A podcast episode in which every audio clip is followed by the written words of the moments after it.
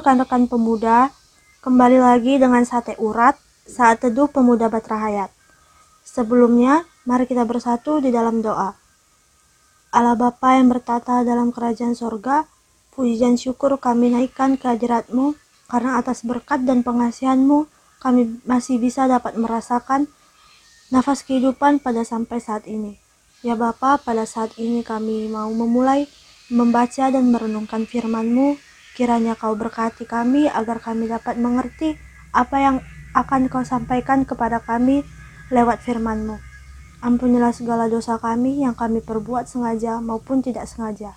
Inilah doa anakmu dalam nama Tuhan Yesus kami sudah berdoa dan mengucap syukur. Amin. Pembacaan Alkitab hari ini terambil dari Kejadian 44 ayat 18 sampai 34. Pribadi yang bertanggung jawab. Ya, dengan segenap hatiku. Begitu mudah diucapkan ketika seseorang diminta berkomitmen terhadap pelayanannya bahkan imannya. Namun, benarkah komitmen tersebut sungguh-sungguh kita lakukan? Seringkali karena alasan tertentu kita lupa dan meninggalkan tanggung jawab.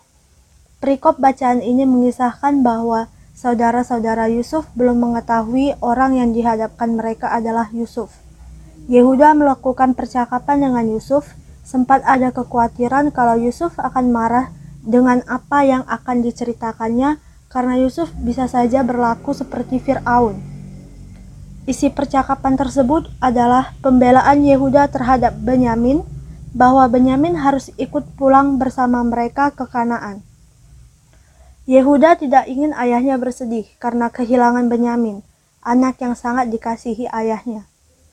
Yehuda bersedia tinggal menjadi budak menggantikan Benyamin, asal adik bungsunya itu diizinkan pulang bersama saudara-saudaranya yang lain.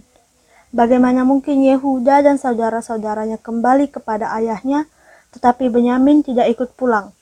Yehuda tidak sanggup melihat akibatnya kelak. Situasi sulit bisa terjadi dan tidak bisa dihindari, bahkan ada resiko yang dihadapi, namun orang percaya hendaknya tidak melepaskan tanggung jawab yang dipercayakan kepadanya. Ada banyak ketidakmungkinan yang terjadi dalam masa muda dan masa depan kita, tetapi jangan hendaknya kita menjadi tidak peduli kepada sesama, bahkan mengingkari janji kita terhadap orang tua, keluarga, gereja, terlebih kepada Tuhan. Sebagaimana Yehuda, demikian hendaknya sobat muda dapat menjadi pribadi yang bertanggung jawab dalam segala keputusan dan tindakan. Lakukan segala sesuatu dengan segenap hati, seperti untuk Tuhan. Berjalan bersama dengan Tuhan, hal yang tidak mungkin menjadi mungkin, hal yang menjadi beban akan menjadi berkat.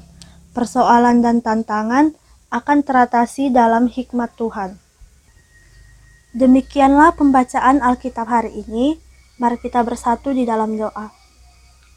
Ya Bapa, kami telah mendengarkan sebagian dari firman-Mu Kiranya apa yang telah kami dengarkan dan renungkan tadi dapat kami lakukan dalam kehidupan kami sehari-hari, sehingga kami tidak hanya menjadi pendengar, tetapi menjadi pelaku firman-Mu.